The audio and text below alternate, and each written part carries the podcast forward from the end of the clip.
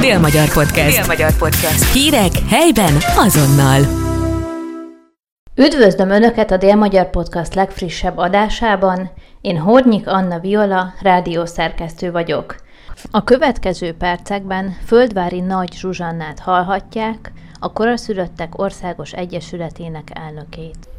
Mivel foglalkozik pontosan az Egyesületetek? Hát koraszülésben érintett családokat fogunk össze 2007. decembere óta.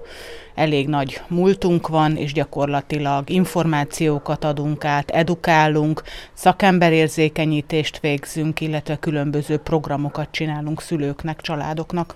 Minden évben megszervezitek a Corexpót. Mi is ez pontosan?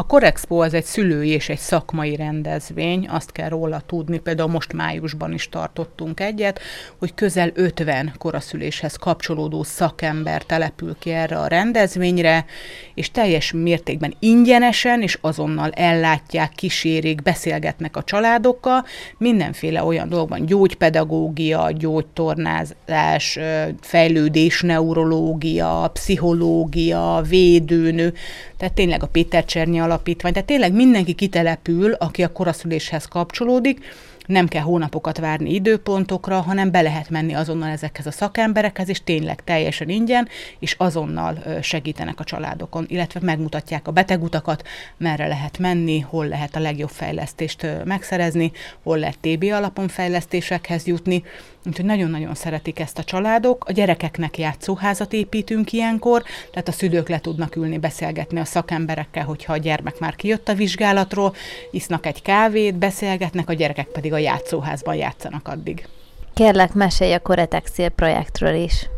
A Koretextil projektet Damás Dianna, az Egyesületünk alelnöke koordinálja. 29 koraszülött intenzív osztályt látunk el az ápoláshoz szükséges speciális textíliákkal, mint inkubátor, letakaró, fészek, öböl és hasonlók. A motivációt, ha jól tudom, az volt, hogy neked is van egy koraszülött kislányod.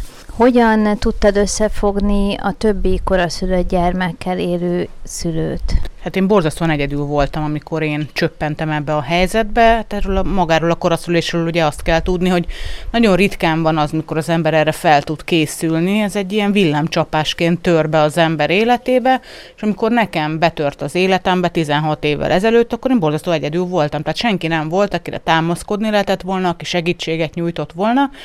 És én akkor ott, én Budapesten szültem, amikor én ültem a kórházi folyosó fehér padján, én megfogadtam, hogy ha ezt mi úgymond épp észsel túlvészeljük, akkor én mindenféleképpen szeretnék segíteni azoknak a szülőknek, akik utánunk kerülnek ebbe a helyzetbe, hogy nekik már azért könnyebb legyen, mint amilyen nekünk volt akkor ott a padon.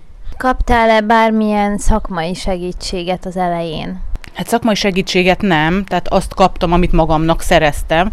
Tehát én gyakorlatilag tizenéve folyamatosan tanulok, én jelenleg is az ELTE PPK hallgatója vagyok, perinatális tudományokat hallgatok, pontosan azért, hogy kompetensen tudjam és minél jobban segíteni azokat a szülőket, akik ugye hozzánk fordulnak.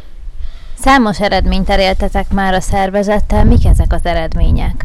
Hát én azt gondolom, hogy az első, ami nem megfogható, de mégis azt gondolom, hogy az egyik legnagyobb eredményünk az az, hogy megszűnt tabunak lenni, és szégyennek lenni ma Magyarországon a koraszülés. Mert ez abban az időben, mikor én szültem, ez bizony egy stigma volt.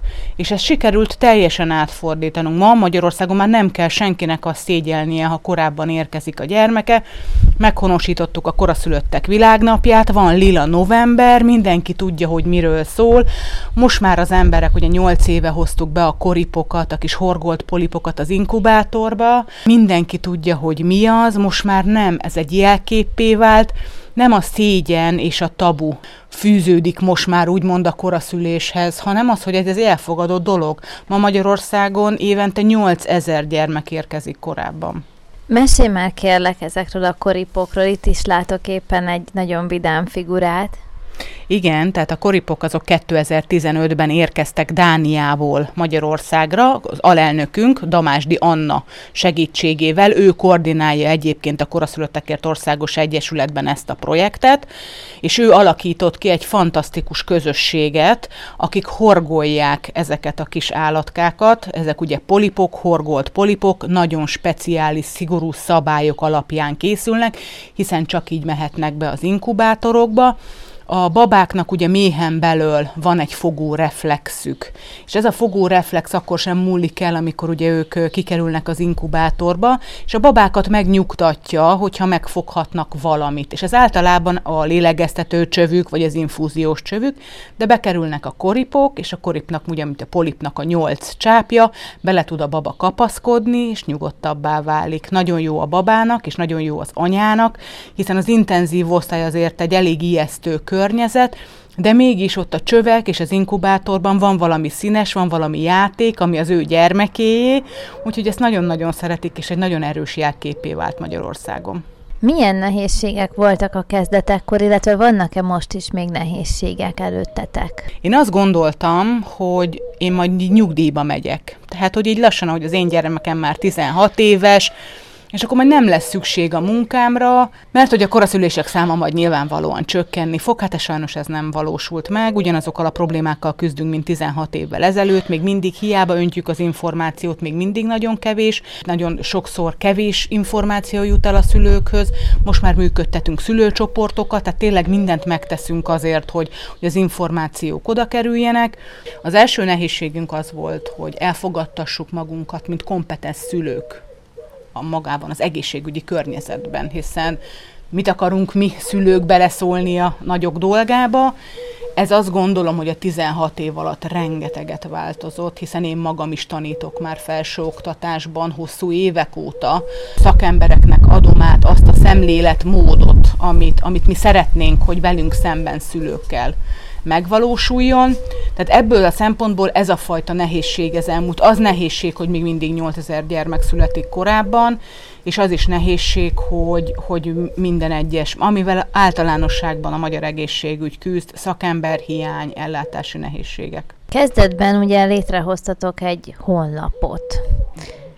Mi volt a folyamat? Hogyan nőtte ez ki magát egy országos szervezetté? Hát legelőször egy blogoldalt hoztunk létre, ahol páran, tényleg néhány anyuka gondolkoztunk azon, hogy hogyan is tudnánk segíteni azoknak, akik utánunk jönnek, majd rájöttünk, hogy igazából magyar nyelven laikusoknak szóló információs oldal nem is létezik a koraszülésről, és akkor páran létrehoztuk a koraszülött.com oldalt 2008-ban. Nyilvánvalóan óriási sikere lett az oldalnak, ez azóta is hála Istennek töretlen, majd 2011-ben éreztük úgy, hogy hivatalos keretekbe kell ezt foglaljuk, és akkor jött létre a koraszülöttekért országos közhasznú egyesület, mert nyilvánvalóan közhasznúak vagyunk, de így magát már nagyon hosszúnak találjuk a nevet, úgyhogy a koraszülöttekért országos egyesület nevet használjuk. És szépen így lépcsőről lépcsőre, óvatosan évekről évekre, rengeteget tanulva, tényleg rengeteget tanulva építettük fel azt, a, azt az egyesületet, ami Magyarország 16 megyéjében van jelen. Mondhatjuk akkor azt, hogy önkéntesekből áll a csapatotok? Jaj, hát ez természetes. Tehát a, a, az egyesületünk az 95%-ban önkéntes alapon működik. Ez így is volt, és így is marad. Tehát a hozzánk kötődő önkéntesek is, olyan 1200 önkéntessel dolgozunk a 16 megyében, összesen mindenki önkéntes. Milyen jövőbeni terveitek vannak még az Egyesület keretein belül? Mindenféleképpen a szakember, illetve szülői edukációt szeretnénk fejleszteni különböző projektekben, programokban gondolkozunk. Vannak olyan projektek az Egyesületen belül, amit soha nem publikálunk, mert olyan érzékeny és olyan nehéz helyzeteket oldunk meg, amit azt gondolom, hogy az emberi méltóság megérzése miatt mi ezt nem publikálhatjuk. És az egyik fő célom például jövőre 2024-ben, hogy ezt az emberi méltóság vonalat, akár a kampányokban, a PR kampányokban, amit nem csak mi a kore, hanem más civil szervezetek is végeznek, hogy ezt helyezzük fókuszba, hogy ne jelenjenek meg olyan kép, képek gyermekekről, családokról, helyzetekről, ami, ami sérti az ő méltóságukat. De ez közvetlen ugye nem tartozik. Ez, ez, egy, ez egy külső projekt, vagy egy olyan projekt, ami ugye a, a korénak az egyik része, de a fő rész továbbra is ugye a koraszülésben érintett családok támogatása. Idén például most volt az Együtt Dobban 2.0 pályázatunk, ahol súlyosan halmozottan fogyatékos gyermek hosszú távú fejlesztését finanszíroztuk. Ezt nagyon-nagyon fontos projektünknek tartjuk, és az adó 1%-okat mi erre fordítjuk. Hol tudnak utána nézni a hallgatók annak, hogy hova utalhatják az adó 1%-okat? Az oldalunkon, a koraszülött.com oldalon ennek van egy külön fül része, ahol lépésről lépésre le van írva, hogy hogyan tudják az adó 1% felajánlási időszakban, ugye az minden tavasszal van, felajánlani nekünk az adó 1%-ot. Mi a legszebb része a munkádnak? Jaj, hát nagyon sok gyönyörű része van, meg könyvbe is lábad a szemem, mert éppen a napokban kaptam egy levelet egy családtól, ahol kaptam egy gyönyörű kis kanalat, amire az volt írva, hogy kore, és az volt a levélbe írva, hogy tényleg nagyon meghat, hogy nagyon-nagyon szépen köszönjük, amit értünk tesztek. Ez volt a Dél-Magyar Podcast legújabb adása, Hornyik Anna Viola beszélgetett.